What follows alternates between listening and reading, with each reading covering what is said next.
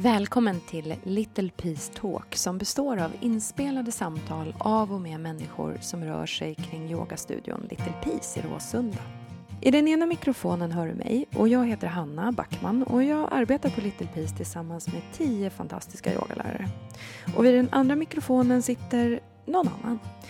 Det kommer nämligen vara olika för varje avsnitt. Välkommen att hänga med oss i samtal som kan bli höga, låga och precis vad som helst. För tre och ett halvt år sedan så stod jag och en vän på varsin pall och lyste in i en tom lokal med varsin ficklampa. Jag är knäpp om jag startar en yogastudio här, frågade jag. Äh, kör, sa han. Jag hjälper dig. Och det är den personen ni möter i dagens samtal. Yogananda, uppskattad meditationslärare på Little Peace. Det här är en man som livet minst sagt har utsatt för prövningar. Vi pratar om vad vi måste gå igenom för att kunna leva med glädje. Nervsystemets omprogrammering, vad vårt namn egentligen betyder och hur man gör när man får reda på att man måste amputera sitt ben om en vecka. Vi pratar också om hur en banan framför ytterdörren kan vara vägen ut ur isolering. Vi välkomnar Yogananda och vi välkomnar dig som lyssnar. Hej. Hej! Nils Yogananda Eirberg. Sa jag efternamnet rätt nu? Det stämmer. Eirberg. Det stämmer Ja. Och det är ett namn som du och din son har ihop? Eller hur?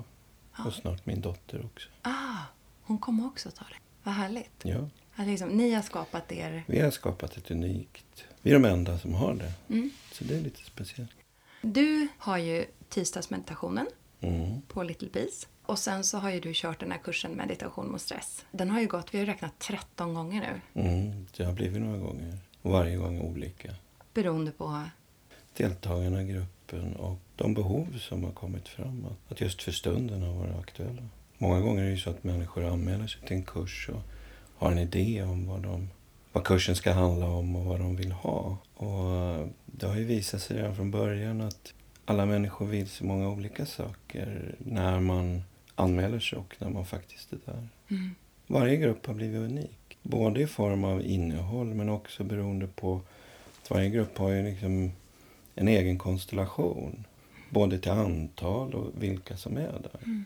Och varje gång upplever jag att det liksom just för den gruppen har blivit så bra det har gått. Mm. Eh, I form av utveckling och gemensam samverkan. För när man har en grupp så där som vi jobbar med de här meditationsgrupperna så är det ju mycket en gruppdynamik och det här utbytet som sker mellan de deltagare som är med. Mm. Så många vittnar om att åh, det är så lärorikt att höra andra berätta till exempel om sin livssituation. Mm. När helgen är slut så vill alla flytta in ihop. Jo, men det blir ju lite så. När man lär känna varandra på djupet. Och det, och det räcker oftast med att, att någon vågar öppna lite grann och säga någonting som är lite personligt. Så, Mm. så följer resten med. Just det. Det är som att man gläntar lite på dörren. Mm. Och så. Det handlar väl också om igenkänning. Mm. Att eh, nej men jag har också, eller jag kan också relatera Mm. till det här.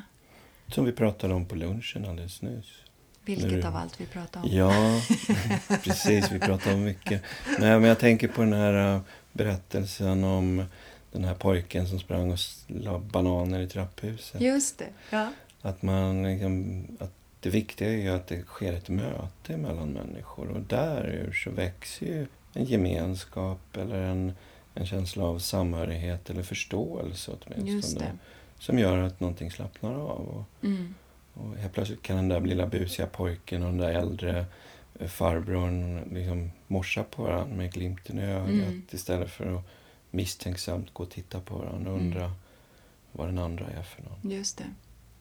Vi kanske ska fylla i att den där lilla busiga pojken är i det här fallet då var min tioåriga son som, som hade tråkigt en dag och eh, började roa sig genom att ta bananer hemifrån. Gick ut och la dem framför grannars dörr, ringde på. När de, när de öppnade så låg det bara en banan där. Och det, det tyckte han, han tyckte det var jättekul. Jag kan faktiskt jag kan förstå det lite grann. Men sen så när vi upptäckte det så fick han liksom gå runt och säga att det var han. Mm. Och då var det en eh, underbar eh, iransk granne som sa att jag tyckte att det var jätteroligt och det, det bästa av allt är att nu fick vi mötas och nu har vi blivit vänner. Mm. Tänk vad häftigt, bara för att du la en banan utanför min dörr och ringde på. Så en banan utanför en dörr kan vara första steget till att lära känna en annan människa. Precis. Det är en härlig metafor. Mm. Livshistoria. Det är lite synd där att, att barn kan göra saker som, som bara skulle verka märkligt om en vuxen gjorde det. Men vem vet? Man kanske ska pröva. ja. Jag går och lägga bananer och ringa på och se vad som händer. Mm. Och sen gå och be om ursäkt. Ja, just det. Förlåt. Jag ville... Jag ty- Det var inte meningen Nej. att göra dig upprörd. ja, precis. Och, och vi kan skratta åt det nu, tänker jag. Men, men också på ett allvarligt plan så handlar det väl om det. Liksom, att, vi, att vi som vuxna någon gång i vår barndom liksom lärde oss att begränsa oss själva och inte göra såna där roliga grejer som att lägga en banan utanför en främmande människas dörr och se hur de reagerar. Mm. Och vi lever med den här begränsningen i ett samhälle där vi har så mycket kontakter med andra människor som vi inte har kontakt med. Mm. Och jag tror att många människor lider mycket i den där ensamheten som uppstår i det. Mm. Ehm, Jag tror att de flesta kan känna igen sig i att när det där mötet sker eh, med ett leende någonstans i en tunnelbana eller så, så öppnas det upp en helt ny värld. Mm. Och jag tror många längtar efter det.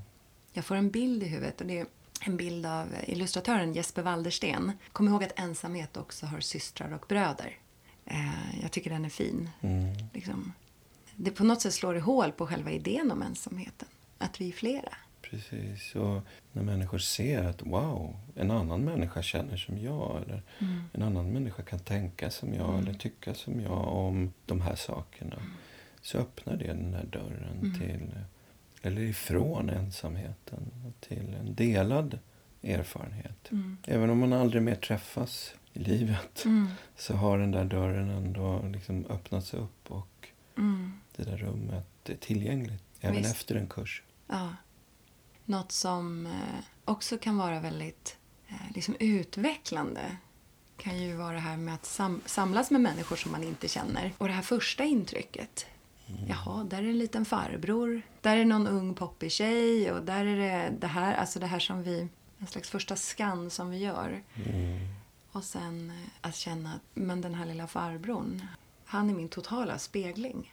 Han går och bär på precis samma upplevelse som, som jag. Eller, eh, han kunde glimta till och stötta mig och jag kunde glimta till och stötta honom. Och, det är som att vi liksom drar av oss de här lagren och upptäcker att bortanför ålder och, och hur vi ser ut, de där första indelningarna som vi kanske ibland automatiskt gör, eh, så finns det någon som är precis som jag. Med precis samma längtan och samma önskan och samma behov. Och det kan låta enkelt och självklart. Men eh, för mig slår det ner som någon slags eh, så här, bara väldigt mjuk insikt. Oj, vad mycket det fanns i den här liksom, personen. Och det du tar upp nu, Hanna, det tänker jag är liksom själva essensen i det yoga och meditationsvärlden på olika sätt berör. Med medvetenhet i, i kropp och själ och tanke. Mm.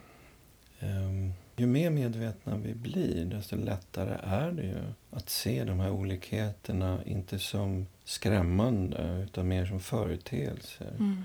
Och den här ytan som vi alla på olika sätt har lärt oss att, att hålla, den här fasaden som vi allihopa har. Mm. Men också att vi allihopa, när vi tar av oss dem, liksom är en vanlig, vad heter han? Eh, illustratören, Illustratören Jesper, Jesper Wallersten. där, Ja. liksom att alla har vi liksom systrar och bröder och kusiner och medmänniskor i både i släkt och grannskap där, där eh, alla människor är samma. Mm. Och när vi slappnar av så, så är livet ganska enkelt Mm. egentligen. Mm. När vi inte är drivna utav prestation och, och den ångest som vi har för att vi inte upplever att vi duger och räcker till i den omgivning som vi befinner oss i. Mm. Till exempel, väldigt många kommer ju och, och lider av att de stressar sönder sig i jobbet Mm. eller i relationen. Oftast så handlar det ju om att man, man, har, man bär på en idé om att man borde vara någonting annat än det man är. Mm. Eh, Och när man börjar komma i kontakt med det där lite djupare och se att andra människor också är som jag Mm. så blir det lättare att hantera de här svåra situationerna. Även på jobbet. Det är inte lika mycket som behöver upprätthållas. Mm. Eh, Och jag tänker att när vi slutar att upprätthålla det som vi inte behöver så frigör vi ju massa energi. Mm. Alltså vi frigör ju massa eh, kraft och, och livsglädje Mm. som vi kan ägna åt annat. Precis. Jag brukar prata om de här beteendena som försvar. Man liksom det, det blir som att vi bygger upp det här lagret runt omkring oss av beteenden som på olika sätt hjälper oss att inte behöva känna det där obehagliga. Mm. Till exempel ett ganska vanligt tema är duktiga flickor eh, eller duktiga pojkar Mm. som liksom kämpar och kämpar med att försöka vara duktiga. Mm. Och det är ju ett försvar för att slippa känna att man någonstans inte duger. Att liksom någonstans bär man oftast med sig då någon idé om att om jag bara är som jag är så kommer jag inte duga. Jag måste, utav olika anledningar. Antingen så är det att någon annan människa inte får det de behöver Mm. för att jag inte är duktig nog. Eh, Eller att jag inte är tillräckligt bra för att de andra ska tycka att jag duger. När du säger sådär så Mm. funderar jag lite på... För du är ju också, det ska vi ju nämna, att du är ju meditationslärare och kundaliniyogalärare, Mm. eller hur? Och sen är ju du även terapeut Mm. och har din egen mottagning. Mm. På- Och ledarskapsutvecklare. Och jobbar också med företag och Mm. organisationer. Mm. Så att vi bara liksom... Ja, ja men det kan vara viktigt att Ja, se det jo men precis. Det jag funderar på när du pratar om eh, duktig flicka eller duktig pojke. Att det finns en problematik i att vi identifierar oss med oss själva som funktion. Och i den funktionen så behöver vi vara väldigt duktiga. Alltså funktionen som det jobbet vi har utbildat oss inom och den karriären som vi har. Eller funktionen som att jag är personen som driver igenom de här projekten eller ställer till med de fantastiska middagarna eller vad, vad det nu är som vi liksom har byggt upp vår personlighet kring. Alltså min syn på det där, oavsett om jag är på meditationsklassen på Little Peace eller jag är på företaget och håller ett föredrag eller coachar eller handleder en ledningsgrupp Mm. eller, eller chefer. Så det jag upplever är att människor får svårt att skilja på projektet eller funktionen och sig själva. Mm. Resultatet av det blir till exempel att någon på en arbetsplats försöker vara en inom citationstecken bättre människa för att klara av att göra en uppgift Mm. istället för att fokusera på uppgiften. Och sen eh, även då i meditation, en del människor som kommer och ska meditera, de fokuserar så mycket på uppgiften så att de glömmer bort människan. Så det, båda ställena har ett problem och problemet är omvänt på något vis. Mm. Men det låter ju som en, i båda de fallen, Mm, att det finns en prestation. precis. Och identifieringen med prestationen Mm. blir större än att vara. Precis. Och, och, det, och det jag ser liksom i, i samhället i stort, Mm. liksom det, som din fråga var, liksom i de här olika miljöerna. Det, det jag kan se är att vårt samhälle har blivit väldigt styrt. Alltså jag är född 61, så jag har liksom upplevt ganska många skiften. Om jag tittar på samhället idag så känner inte jag igen mig i det samhället som jag växte upp i. Nej. Det är som två olika världsplaneter Mm. Dagens samhälle det, det, har ju liksom, det, har, det har utvecklats genom en väldig massa olika bra grejer som vi i mänskligheten har gjort. Tekniska utvecklingar och, och vi har, liksom, förstår mer och mer om hur människor fungerar. Inte minst genom att yoga och meditation har blivit mer acceptabelt och också forskat på. Mm. Eh, med den, den forskningen vi har idag där vi faktiskt förstår det som de här yogisarna förstod för 5-6 tusen år sedan. Mm. Jag tänker att det, vi allt för ofta hamnar i den här ytliga. Det verkar som att fokus många gånger hamnar på vad man vill. Mm. Och, och väldigt ofta verkar det som att man vill någonting annat än det som är. Så det är som att det som är inte är okej. Mm. Och där tänker jag att det finns en problematik. Mm. För att eh, om jag till exempel har det jobbigt på jobbet och har mycket att göra och jag inte vill att det ska vara mycket på jobbet och jag inte vill att jag ska må dåligt för det här så blir det väldigt svårt att göra någonting. För att om det är mycket att göra på jobbet så är det det som är verkligheten. Mm. Och på något vis är det inte förrän jag kan acceptera att det är för mycket som jag också kan börja ställa krav på att göra en förändring åt det som gör att det blir för mycket. Mm. Det är först då jag kan börja ställa de riktiga frågorna. Jag tänkte knyta an till det där med liksom, vad i mig själv är det som möjliggör den här situationen. Mm. Och antingen behöver vi ändra någonting i vårt förhållningssätt, något slags medvetandeskifte eller någon slags attitydsförändring till oss själva och omvärlden. Men ibland så är inte det det som behövs utan att det kan behövas action. Att faktiskt eh, kunna gå upp och ta tag i ett problem eller säga till en chef. Precis. Och jag tog del av en studie för ett tag sedan med utbrända. Där det visade sig att det stora problemet var inte det som hade hänt på arbetsplatsen eller den börda eller den press de hade arbetat under under lång tid. Utan de hade en enorm liksom press själva av att inte kunna identifiera sig med att vara personen som blev utbränd. Mm. Och det i sig blev som att lägga liksom en extra ryggsäck med ytterligare egenskapad press. Inte kan jag vara den personen som blev det här. Mm. Jag tror väldigt många människor identifierar sig med det du säger nu.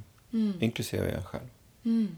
Så jag, jag började min karriär och jobbade som konsult och ingenjör och, och chef. Mm. Och jag minns då när man började prata om utbrändhet Mm. att det var liksom någonting som jag, jag vill inte ens relatera till utan det var något som andra människor gjorde. Men så där efteråt så kunde jag se hur jag hade, jag hade kört igenom två, tre väggar Mm. och inte gett upp. Det var som att liksom, jag fick inte ge upp. Jag fick inte be om hjälp. Jag fick inte säga ifrån. Jag fick inte känna att det var mer än vad jag klarade av. Mm. Du som träffar så mycket olika människor, Mm. yttrar det här sig olika? Det jag ser Mm. är ju att lösningen är ungefär densamma för alla människor. Mm. Men orsaken till deras problem är vitt skild. Mm. För det är så många saker som påverkar. Det är, eh, kön kan ju vara en sak som påverkar på grund av att vi har ett samhälle där eh, liksom, vissa könsroller gör att vi utsätts för vissa förväntningar eller Mm. påtryckningar. Men eh, jag tror att en ännu större anledning till att vi blir olika det är att varje familj, varje släkt, varje samhälle, varje kulturskikt påverkar oss som Mm. människor. Mm. Så jag skulle vilja våga påstå att varje människa är unik. Både i det, att liksom hur man utvecklar eh, sin personlighet och sin problematik. Mm. Men vi är också liksom i grund och botten väldigt unika. Mm. Samtidigt som alla människor i sättet att utveckla vår problematik ungefär gör på samma sätt som alla andra. Och i grund och botten så är vi alla ungefär lika. Det är, liksom, det är, de här, det är två, två, tänker jag, väldigt viktiga delar i att vara människa. Att Mm. Vi är lika, men vi är också väldigt olika. Du nämnde mm, liksom rädsla för att be om hjälp, Mm. oförmåga att dra i en broms. Jag vet inte exakt vad du sa, men, Mm. men eh, Jag sa inte så, men det är det som det, var det är problemet. Ja. Att våga bromsa. Jag såg Ja. ju framför mig, jag liksom satt i en, i en racerbil Mm. och jag åkte mot en vägg. Alltså jag Mm. såg som en bergvägg. Alltså det var en, det var en påtaglig Mm. känsla. Och jag såg att jag är på väg mot den här väggen, jag kommer krascha. Mm. Alltså, och jag kör typ liksom 300 kilometer i timmen. Mm. Jag kan inte bromsa, för jag har fortfarande saker jag måste göra. Och jag vet att om jag inte bromsar så kommer jag krascha. Men jag kommer hinna göra lite till. Den känslan. Mm. Kraschar du? Jag löste ut fallskärmen på något vis. Jag lyckades hitta meditation, yoga, olika poetiska och filosofiska resonemang som gjorde att jag, jag drog fokus ifrån det som drev mig och började liksom intresserad mig för varför, varför, varför gör jag som jag gör. Mm. Och jag, och jag började se att andra människor gjorde det också. Mm. Jag såg, jag såg det fortfarande då på den tiden som att nu ska jag lösa andras problem. Okej. Mm. Så att som chef då så började jag ändra mitt sätt att vara chef. Och Okej. slutade att pusha människor på det vis som jag hade gjort och började istället intressera mig för vad som kunde motivera människor. Mm. Och utav det så drog du lärdomar som Mm. var relevanta för dig själv och För din själv, egen. Och, precis. ah, Och så har det liksom varit i hela mitt liv tror jag. Att jag, jag har hållit på med saker som jag har behövt utveckla. mm. För du arbetade ju inom byggkonstruktionsbranschen. Och så har du ju barn, Mm. tre stycken. Tre barn ja. Ja, och ett barnbarn. ja. nu ja. Ja. Men då hade jag inte det. Då hade Nej. han inte kommit än. Nej. Nej. Då, den, på den tiden när jag såg den där väggen komma, Ja. då hade jag ju tre små barn Mm. som alla är födda då runt 90. Mm. Och eh, jag var chef för 16 konsulter, höll på att driva upp ett företag. Det var lågkonjunktur, mycket jobb, lite pengar. Mm. Eh, och jag var ung. Jag Mm. var fortfarande liksom i 30-årsåldern och Mm. liksom hade mycket krav och idéer om vad man skulle prestera Mm. här i livet. Det låter ju fantastiskt att du i din roll som ledare och chef var tvungen att se över hur du kunde leda andra på ett bättre sätt. Och det Mm. blev liksom din hjälp. Eh, nu vet inte jag, men jag skulle kunna tänka mig inom byggsektorn så vet jag inte hur, hur vanligt det är att man, att man börjar eh, intressera sig för mer. Idag är det här mainstream. Det är det, även där. Ja, jag tror Ja. det. Men då var ju det inte alltid uppskattat eller förstått. Nej. Vad var det du började med? Det jag började med var faktiskt att jag byggde om våra kontor. Okej. Och liksom inredde vardagsrum och konsulterna inte skulle sitta ensamma i små cellkontor utan jag byggde ihop rummen så man satt två, tre, fyra stycken i grupper så man skulle ha närhet till varandra och kunna kommunicera på ett mer okonstlat sätt. Det här är tidigt 90-tal. Ja, slut, början på 90. Just ja. det. Mm. Och då var ju fortfarande de här öppna kontorslandskapen Ja, det var ju Det var ju fortfarande bara på, på liksom, Reklambyråer. i New York och reklambyråer. Ja. Precis. Så var det. Till exempel det här med att liksom ha frukt på, på jobb och sånt där. Det fanns ju knappt företag som levererade sånt Nej. då. Så jag hade lyckan, jag gick på en sån här kvällskurs. Och där var det en annan kille som också var med. Mm. Som hade precis hade startat ett bolag där han körde ut frukt till bolag. Ah, Och, så då bokade vi sånt där. Så då, då hade vi frukt och, på kontoret. Det var ju high tech, eller vad ska man kalla det för? Det var wow, liksom. Det var wow. eh, jag tycker att det är spännande med sånt här. För att det betyder ju att vi gör saker nu som Mm. vi kommer titta tillbaka på och skratta och säga tänk vad knäppt att vi höll på. Om 30 år så jag bara wow. Eh, och då var eh, höjden av liksom eh, party Banan var och liksom... äpple. Folk sprang till fruktskålen. Så. Så det började med ledarskap och Mm. att du Och gjorde ett nytt om. fokus. Ja, Mm. ett nytt fokus på personal. Hur kan jag få personalen att liksom slappna av och trivas? Jag förstod ju inte då egentligen vad det var som, som liksom fick mig att göra det jag gjorde. Utan jag gjorde det för att jag kände att det här fanns ett behov för. Mm. Men jag förstod inte då hur viktiga behov var. Nej.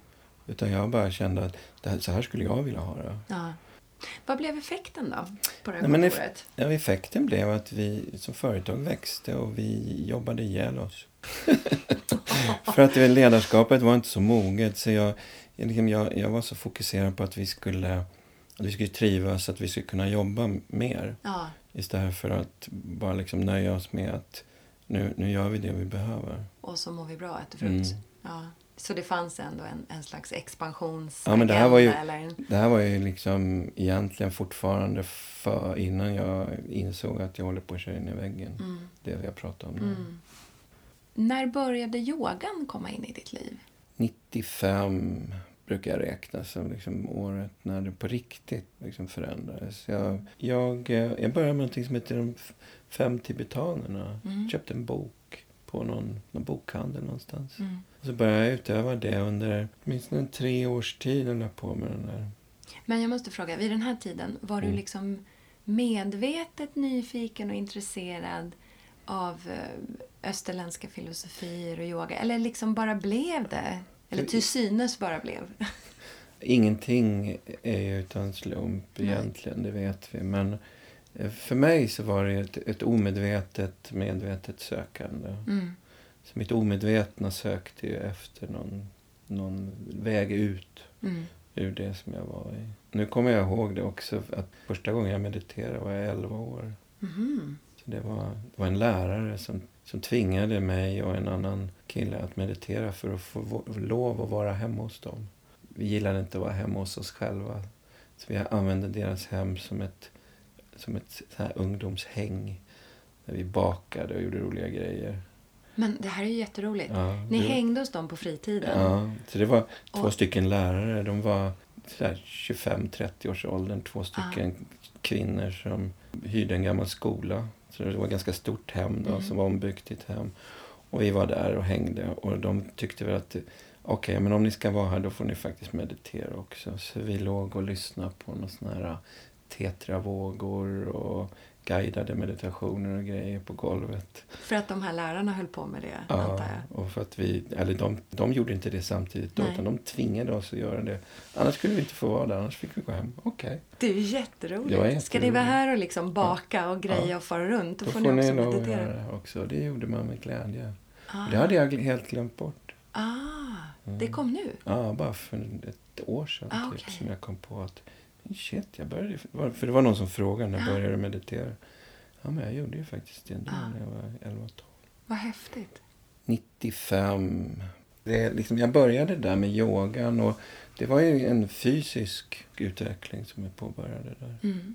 Jag hade haft mycket problem med ryggen och det liksom försvann då i samband med det. Mm. Men du började yoga hemma till den här Ja. boken? Precis, jag låg där på golvet med boken och så kollade hur man gjorde. Och, Ja.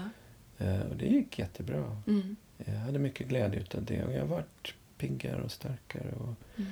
och efter några år där så var det faktiskt genom ledarskapsutvecklingen som jag gick en utbildning där jag också kom i kontakt med psykologin Mm. och gjorde här personlighetstest. Som, Mm. Fram till det datumet så trodde jag nog, som många människor tror, att jag är som jag är och jag får försöka hantera det. Vad var det som hände i det där testet? Nej, men det- resultatet var ju som en... eh, Det det var ganska tufft att se verkligheten. Mm. För det var ett test som byggde på, det var en sån här 360 som det heter, va? Mm. där personal liksom talade om vad de tyckte Mm. om olika saker. Och där gapet emellan vad jag, hur jag upplevde att jag gjorde saker och hur de upplevde det skilde. Mm. Vad jag ville förmedla saknade de. Jag klarade inte av att, att skapa det som jag försökte göra. Och få reda på det var förmodligen inte heller en angenäm Nej, det var upplevelse. ganska tufft som de flesta som har gjort sådana prover säkert kan vidimera. Mm. Och det är väl det som händer också, tänker jag nu när, när om vi går tillbaks till föregående samtal Mm. om när man kommer till en meditationsklass och, och får möta sig själv så kan det vara tufft Mm. och, och liksom lätt att man inte gillar det. Nej.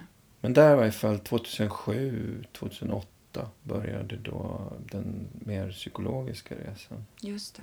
Du var ju eh, med mig ute på min familjs sommarställe för några år sedan. Mm. Och vi satt nere vid vattnet vid ett bord och åt middag. Och jag tror att det är första gången du träffade min syster. Mm. Och hon kom och slog sig ner med oss och samtalet flöt på. Och så kom vi in på något ämne där du sa, jag vet inte om det var vattenskidåkning, det var någonting. Där du sa så här, ja det, det där hade man ju kanske kunnat ge sig på om, jag, om det inte vore så att jag bara hade ett ben. Mm. Och jag kommer ihåg att min syster var tyst ett tag och sen det var som att det sjönk in. Så sa hon, men vad, vadå, varför kan du inte göra det? Nej men jag har bara ett ben. Och så sa hon, vad menar du? "Ja, Men han har bara ett ben. Och så tittade hon under bordet och så tittade hon upp och så sa men jävlar du har ju bara ett ben. Ja, det blev någon sån här ko- komisk kring det där. Mm. Det händer ganska ofta. Eller Det- ja, inte, inte ganska, men det har hänt så ett 20-tal gånger. Att du liksom reser dig upp och så säger folk, nej men Mm. jaha. Mm. För att någonstans där 2007 Mm. så får du en cancertumör. Så tio år efter den här grejen med eh, att jag började liksom utforska det psykologiskt. Just det. Mm. Mm. På mycket kort tid Mm. så får du det här beskedet att det verkar som att den enda vägen är att du behöver eh, lämna ditt ben eller Mm. vara med om en amputation. Det, är, liksom, det är ganska omtumlande för mig att, att jag skulle råka ut för att bli sjuk. Mm. Det, jag tycker att det är en ganska rolig, liksom, intressant del i den här historien. Att jag i december, alltså ett halvår innan jag får reda på att jag har en tumör. Jag meddelar den sista gruppen inför juluppehållet att, att det var min sista yogaklass och att jag under kommande år bara ska ta hand om mig själv. Jag, det kom som från en klar himmel. Jag hade inte planerat det. Du hade inte planerat ens inför den Nej. klassen? Det Nej. bara, Det kom bara du hörde dig själv säga det? Ja, jag hörde hur jag själv berättade för klassen att jag från och med nu så ska jag bara ta hand om mig själv. Ja. Och så gjorde jag det i ett halvårs tid och fick då problem med mitt vänsterben under våren. Mm. Gick till läkare och eh, 18 dagar innan jag opererade fick jag reda på att jag hade en tumör i ljumsken. Det var överraskande och det var tufft för jag var liksom mitt uppe i, jag hade en relation. Jag hade tre barn varav två bodde hemma hos mig. Jag hade ett heltidsjobb med att jobba som chef på ett konsultbolag. Så jag hade ganska mycket på tallriken. Mm. Många människor när de ser mig tänker så här, "Jaha, han, han börjar sin resa med benet eller något sånt. Mm. Men, men det var inte så för mig. Nej. Men tack vare att jag hade gjort en lång resa innan så, Mm. så hade jag verktyg. Att när jag opererade bort benet så var inte det något obearbetat traumatiskt. Nej. Men du hade ju ändå ganska kort tid på Ja, dig jag hade en vecka i princip. Som jag, som jag bearbetade det med. Ja. På olika sätt. Med kännas- meditation och ceremonier och annat som jag gjorde. Mm.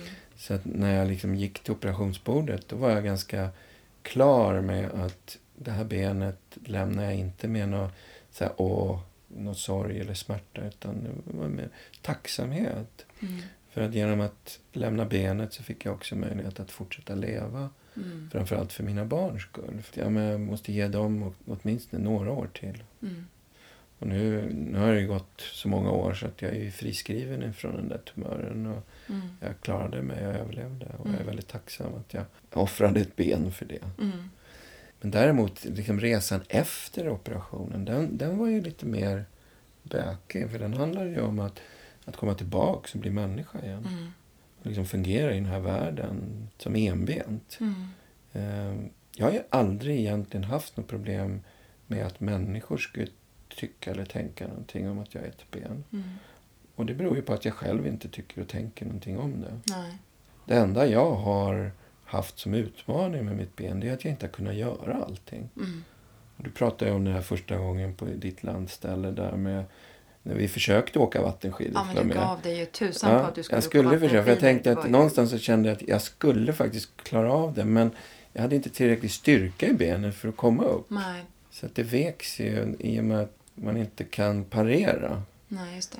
Så att det kraschade liksom. Det var ju väldigt häftigt att du provade. Ja, och det var kul att prova. Så ett halvår efter operationen så var jag medicinerad med opiater och annat för, att, för smärtorna. Mm. Och de slutade jag ju tvärt med då i januari 2008. Alltså ett halvår efter att jag var opererad. Så bara, jag la av helt tvärt Mm. mot alla läkares rekommendationer och sådär. För jag bara kände att nej, nu får det vara nog. Så, Vad var det som gjorde att du kände så? jo, så här var det. Innan jag opererade bort benet och bland annat hittat information någonstans om eh, fantomsmärtor. Mm. Om man inte har smärta innan amputationen Mm. och om man ett halvår efteråt inte har smärtor så minskar effekterna av de här Mm. fantomsmärtorna. För visst var det så att du gick på väldigt koncentrerad akupunktur Mm. under den här korta perioden från beskedet till, till operationen? Under sist, en vecka innan Ja, så hade jag akupunktur för att inte ha smärtor. just det. För jag hade lite smärtor utav tumörens placering. Mm. Så det bedövades. Jag tog bort alla smärtor innan Mm. och sen bedövade det med ett halvår efteråt. Mm. Och det här är forskning som finns tillgängligt tack vare krig och sånt elände. Då. Ja, det. Där, där man har konstaterat att människor som har smärtor innan de spränger bort ett ben eller så vidare så, Mm. så blir det större problem. Just det. Det är som att sista neurologiska minnet i benet lever kvar.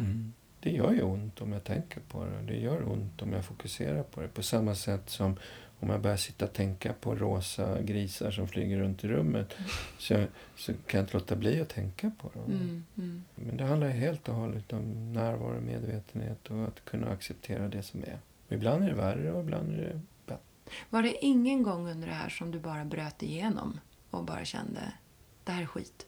En gång gjorde jag det. Första gången jag var ute på stan och åkte rullstol, då bodde jag fortfarande kvar på sjukhuset uppe på Röda Korset. Då kom jag till en övergångsställe och trottoarkanten var lite för hög. Mm. Så att jag kunde inte köra upp på den. Så jag var tvungen att ställa mig upp och lyfta rullstolen. Och när jag gjorde det så hade jag inte, för jag var inte van, Nej. så jag hade inte låst hjulen. Så när jag ställde upp rullstolen så rullade den iväg och jag ramlade och Åh. låg där mitt på trottoaren och rullstolen rullade Ah. iväg. Då började jag gråta faktiskt, för jag kände Ja. mig så hjälplös. Det går att förstå. Mm. Och det var liksom ett sånt här ögonblick av att jag liksom inte klarade av att hantera situationen. Mm. Hjälplöshet. Mm. Men däremot någonting som kan vara intressant också för våra lyssnare till den här podden. Det är liksom hur vårt nervsystem och att, att meditera och göra yoga och så vidare. Att jag är ett vetenskapligt bevis på att saker och ting funkar på ett speciellt sätt. Det vill säga att vi kan programmera om den här kroppen. Och vi kan lära oss nya saker. Så hur många gånger tror du att jag ramlade i trappor innan jag slutade ramla i trappor? Mm. Impulsen att gå med det benet som man inte har, den finns fortfarande Ah. kvar. Så det är som att du, du satte ett osynligt steg. Ja, så att Ja, när jag gick ner i trapporna med kryckorna, Ja. Utan att, det var inte att jag ramlade för att jag inte kunde gå på kryckor. Utan det var för att jag var så van att springa i trappor, upp och ner. Och liksom, så att automatiskt så började benen gå. Mm. Och automatiskt så ville mitt vänsterben, som inte längre fanns, ta ett steg. Mm. Och då ramlade jag. Mm. Och det tog precis 28 gånger. 28 fall i betongtrappor, trätrappor, där jag slog mig blodig ibland. Innan nervsystemet hade förstått att det finns inget ben. Nej, just det. Jag tror ju att ganska många som får reda på att vi behöver ta en, en eh, stor kroppsdel av dig Mm. eh, reagerar med liksom förtvivlan och, och, Ja. och stor sorg. Men det känns som att du agerade så rationellt under den här tiden. Ja, jag tror det har att göra med naturligtvis lite min personlighet men också eh, den medvetenhet jag hade om kroppen. Mm. Närvaron och liksom förståelsen. Liksom, ja, ett ben mer eller mindre. Det är tragiskt, tråkigt Mm. men jag vet, en tanke som, jag, som, jag, som drev mig då innan jag eh, amputerade bort benet. Mm. Det var att jag skulle göra saker som man behövde två ben till. Mm. Så här, liksom, okej, vad har jag inte gjort? Man behöver två ben till den här sista veckan. Mm. Och det, jag kunde inte skriva ner en enda grej. Det jag däremot insåg, det var att alla de saker som jag inte har gjort nu, har jag inte gjort för att jag inte har velat göra eller Nej, för att just det, det. liksom inte finns inget... Varför ska jag göra det nu? Mm. Helt galet. Och det var liksom bara, okej, då kan jag släppa det. Det är, liksom, Mm. det är inte så att jag inte kommer kunna göra något som jag... Det jag inte har gjort vid den här Nej, just det. åldern, det har jag ändå inte gjort. Det fanns inget behov av att hoppa Nej. backhoppning. Liksom. Nej. Ingenting. Så då gjorde jag, en- satte jag mig ner med ansatsen att göra en annan lista. Okej, vad behöver man två ben till som jag har gjort? Mm. Och då kom det ju upp lite grejer på listan. Då, typ så här, spela golf, åka skidor och liksom bla, bla, bla. Men sen när jag hade skrivit ner några grejer på listan så insåg jag bara att ja, men det är ju patetiskt. Liksom gå ut och spela golf, så här, en sista golfrunda med två ben. Och liksom, vad ska det leda till? Liksom, Kommer den golfrundan att liksom gå till världshistorien som min bästa då? Eller vad, liksom, jag har ju spelat golf så många gånger så det, det gör varken till eller från. Jag får väl spela golf på, ett ben sen istället då. Mm. Så jag brydde mig inte ens om att, att liksom ta den där sista... Jo, jag tog faktiskt sista promenaden sista kvällen. Men då, för då checkade jag in på Karolinska sjukhuset och så tog jag en promenad från Karolinska upp till Vasastan. Mm. Och käkade middag med några vänner där och så gick jag tillbaks. Mm. Så det var sista promenaden. Så det var, det var lite fint för det var en fin sommarkväll och sådär. Och, men i övrigt så, jag kunde inte komma på något Nej. som jag liksom hade gjort som jag behövde göra. Och, och det var liksom en del i den här processen. Mm. Och så insåg jag där någonstans också att en gång i tiden så föddes jag med två ben. Mm. Och jag fick lära mig gå. Och det tog nio månader att lära mig gå.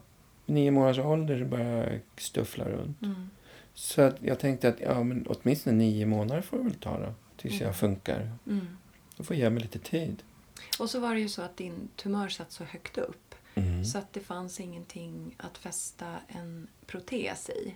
Ja, inte fästa någon i, men jag hade ju en vanlig protes. Just det. Som man spänner fast då. Men det, då blir Runt man midjan. handikappad. Ja. Precis. Och så insåg du att det är alldeles för stökigt att gå med den här äh, protesen runt midjan. Så att eh, du föredrog kryckor istället. Mm. Och det är så du tar dig fram. Ja, alltså med, korta historien är den att eh, kirurgen innan operation sa att Nej, men det finns proteser. Mm. Och då var jag nöjd med det svaret. Mm. Okej, det finns proteser. Det tar vi sen. Nu opererar vi bort och tar hand om det här. Och Mm. En sak i taget. När jag låg på sjukhus så fick, fixade jag så jag fick rullstol och började träna på det. Och så gick jag liksom tre, fyra kurser i rullstol så jag kunde åka både upp och ner för trappor och åka buss och tunnelbana Mm. och göra det som man behöver med en rullstol. Mm. Så ställde jag undan den och så sa okej nu kör vi protesen. För då hade det läkt ihop så att man kunde använda protes. Mm. Och då insåg jag ju ganska snart att det, det där var ju ganska knöligt. Mm. Liksom att ha en gummigrej runt midjan. Det var svettigt och Mm. obekvämt. Och så skulle man, som de sa, de här sjuksköterskorna som hjälpte en att träna då. Mm. Det måste se snyggt Mhm. Ja, och då in- då insåg jag ganska snart att liksom allting handlade om att jag skulle tillbaks och se ut som vanligt. Så mycket som vanligt som ja. möjligt. Och om inte för min skull så för andras skull. Ja. Och då liksom bara säga, ja men vänta nu. För mig blir, jag blir handikappad varje gång jag sätter på mig protesen. Mm. Så det kan inte vara för min skull. Nej. Och då måste det vara för andras skull. Och då tänker jag så här, ja men om andra har problem med det, då får de väl ha det då. Vad var det tuffaste med att komma tillbaka? Jag hade en sorg för att, oj, nu kommer jag inte kunna jobba som terapeut eller yogalärare. Mm. Där jag någonstans kände att jag varit levande och ville vara. Mm. För jag, jag kunde liksom inte se mig själv och hoppa runt på kryckor i en yogasal. Eller i en, hur skulle det gå? Det- min vän då, som Harnam, en yogalärare som bodde på Södermalm och hade en jättestor fin yogalokal. Han sa det till mig att men Yogananda, du kan komma hit och yoga hur mycket du vill. Så att under ett halvårs tid så var jag där och yogade en till två gånger om dagen. Och gjorde alla möjliga yogapass som man höll på med med ett ben. Och en del var ju svårare än andra men jag hittade mitt eget sätt att göra det. Mm. Gick ner från 100 kilo till 84. Var liksom frisk i kroppen igen. Mm. Sen eh, fick jag förmånen att assistera andra terapeuter och vara tillbaka i terapirummet under den här perioden också. Och det var också väldigt jobbigt, väldigt svårt i början. Mm. För att helt plötsligt var jag någon som var klumpig, jag var någon som inte kunde göra allting. Jag, man tänkte liksom ställa fram en, en blomvas och göra fint i rummet. Eller att vika ihop filt. Det var jättemånga eh, saker som blev väldigt utmanande och svåra. Mm. Du berättade någon gång, eh, för du gav dig ut liksom och började dejta och sådär. Mm. Jag står och väntar och hon kommer. Och när hon bara är på liksom så här 15 meters avstånd så börjar hon skratta. Mm. Och jag liksom känner liksom lite så här odd och underligt. Ja, Liksom, bara- Såklart. började hon skratta åt mig. Och jag förstod inte varför hon skrattade ens. Nej. Men då berättade hon ju att hennes förra kille var enbent. Och det var ju det som var så roligt då. Det liksom, Eh, Och skrattet berodde på någonting helt annat Ja, än vad man ja, men- först... ja, precis. Det var situationen. ja, härligt. Mm. Jag tänkte höra med dig, vad, vad har Osho betytt för dig? Oj, det är en stor fråga så jag hade nästan önskat att du inte ställde den. Aha. För det är liksom en helt kapitel i sig. Men det han har förmedlat till mig Mm. är grunden i allt jag håller på med. Mm. Så på det viset så betyder han allt. Mm. Och för mig är inte han en skäggig gubbe, skäggig indier, guru. Utan för mig är han liksom en förmedlad medvetenhet, närvaro. Mm. Och han har också liksom betytt någon som jag har kunnat fullt ut ifrågasätta.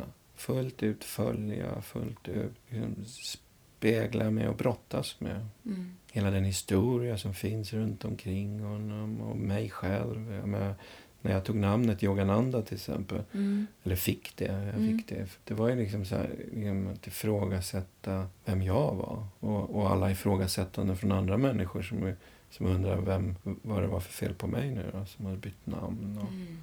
Jag tänker bara för de som, som inte är bekanta med Osho. Vad ska vi säga om det, bara för att uppdatera folk? Osho eh, kallas ju också Guru Bhagwan, eller hur? Det har utvecklats väldigt mycket eh, meditationer och terapier ifrån det. Mm.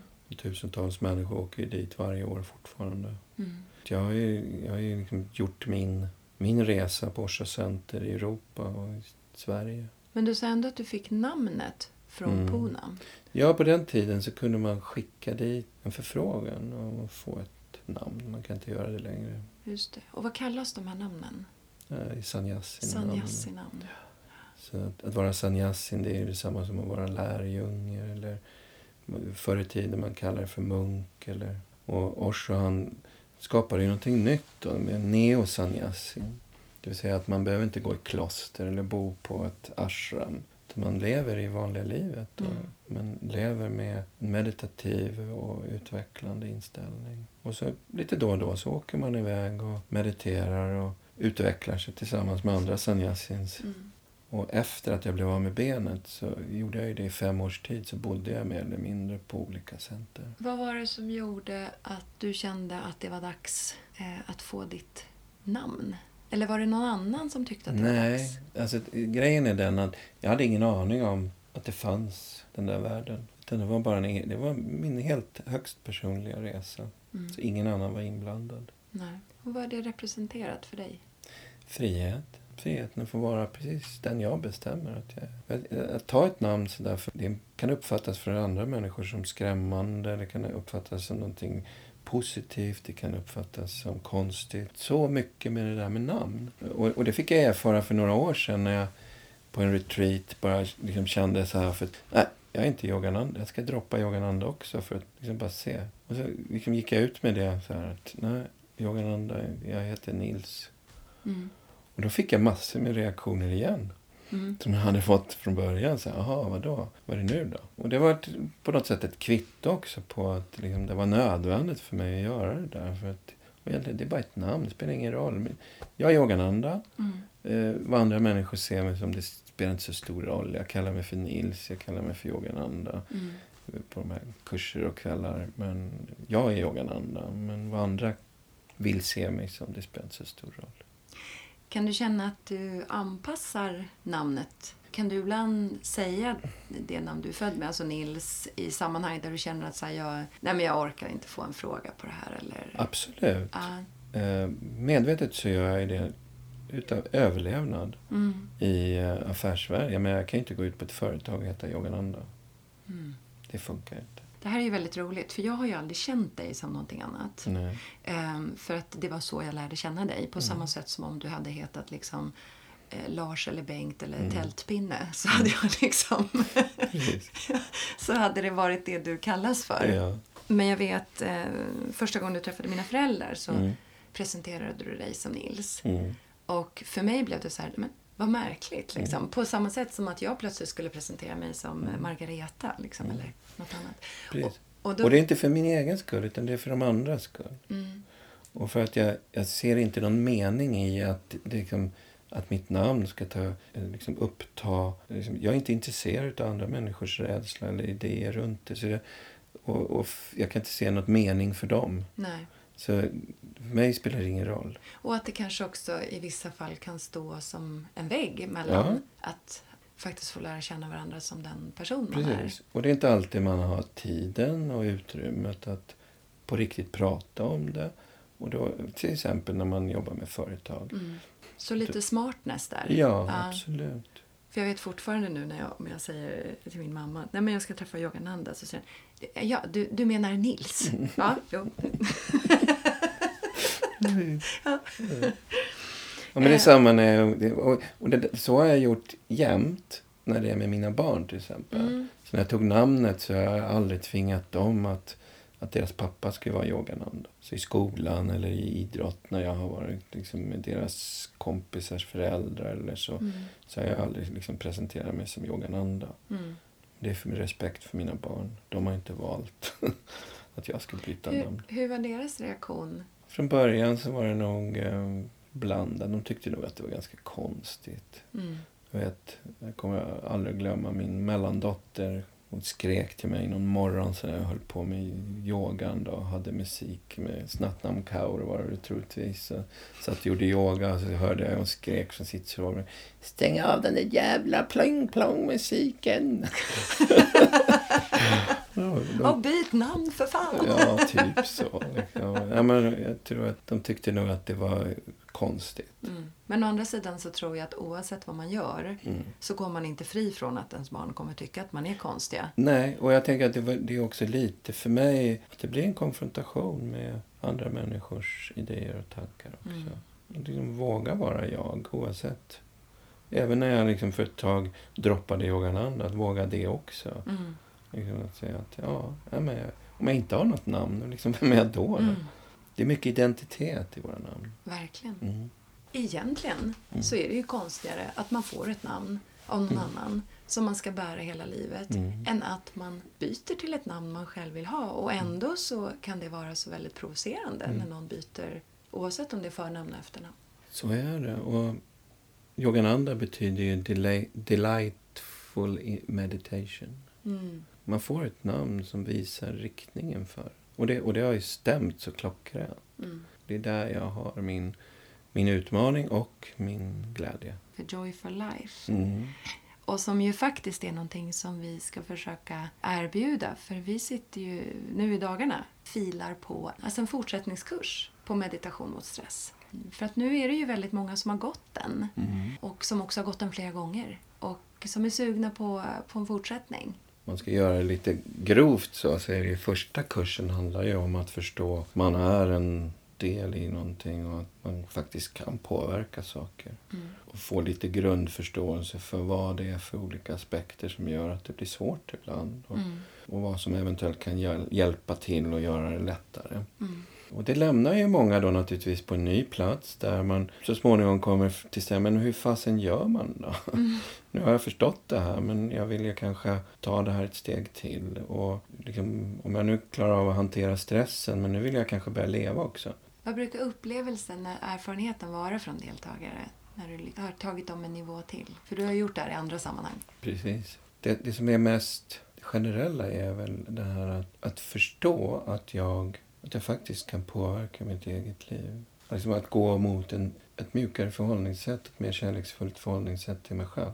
Mm. Människor börjar njuta av det som är dem. Mm. Jag, kallar, jag kallar mitt arbete för Joyful Life. Mm. Och det kom till ur den här förståelsen av egen erfarenhet, både från min egen utveckling och min erfarenhet av att tillsammans med hundratals andra människor genom åren se hur den här, att bryta igenom de här olika motstånden, hur livet faktiskt blir mer joyful. Att, liksom, att känna glädje för det lilla, för det stora. Våga bara slappna av och vara med sig själv. Mm. Så det vill jag nog kanske liksom se som det som är det mest generella som människor får ut av mm. de här processerna. Jag känner att livet är mer joyful, mer glädjefullt.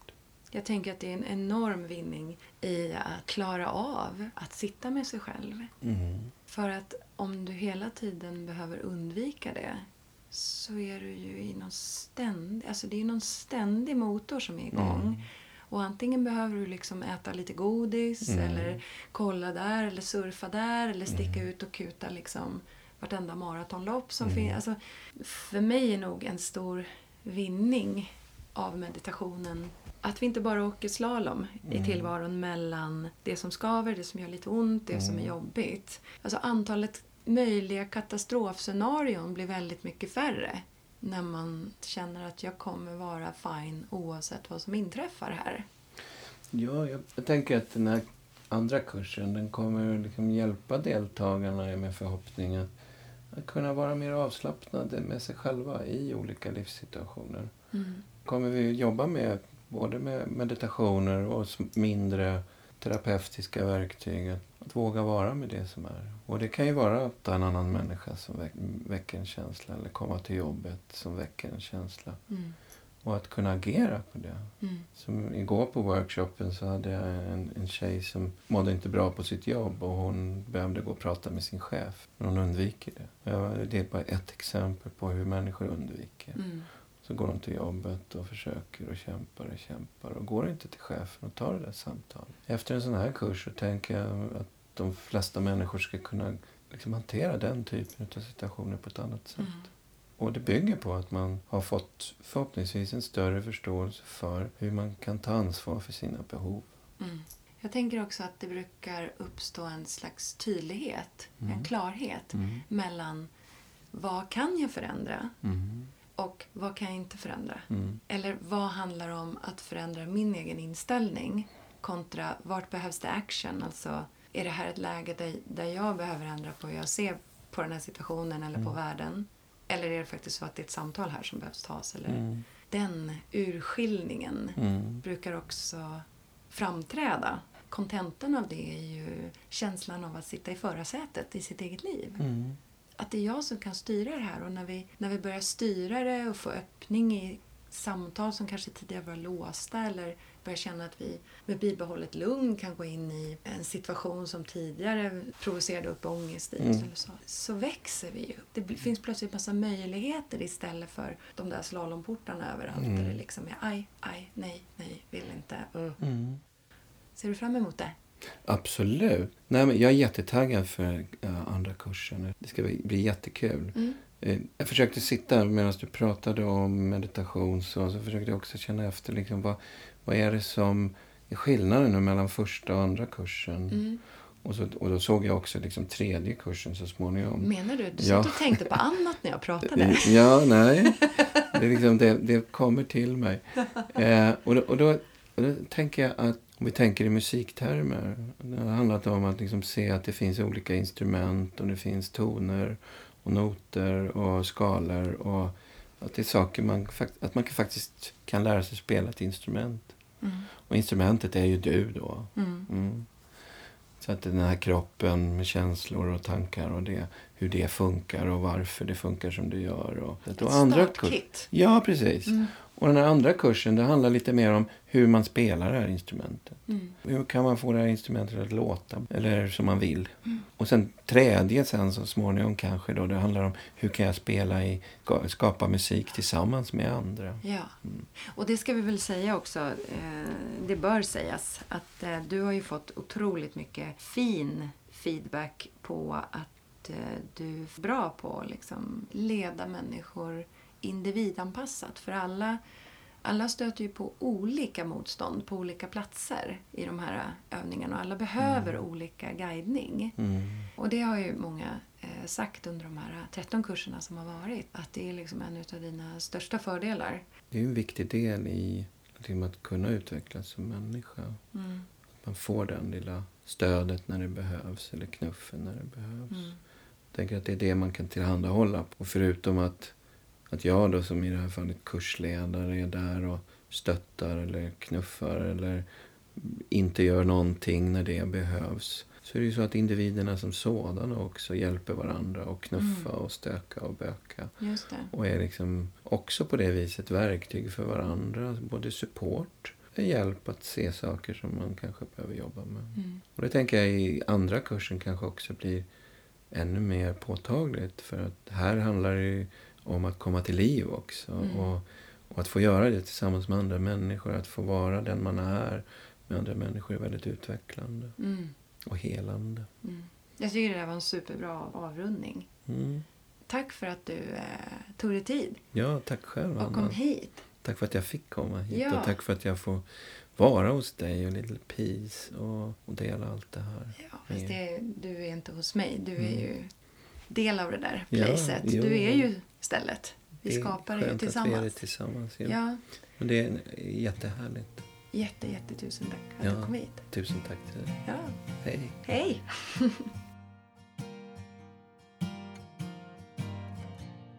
Mm, Yogananda är verkligen en person man kan prata med länge. Han är lika trygg som transparent och det är förmodligen därför som hans meditationer har varit så populära. Meditation mot stress 2, som vi kallar för The Joy of Meditation, går av stapeln 26-28 april. Så häng med nära och kära under påsken och kom sen och häng med dig själv helgen efter. Du behöver inte ha gått meditation mot stress innan. Det räcker med att du mediterat lite grann och är redo att levla upp. Eller levla in kanske man ska säga.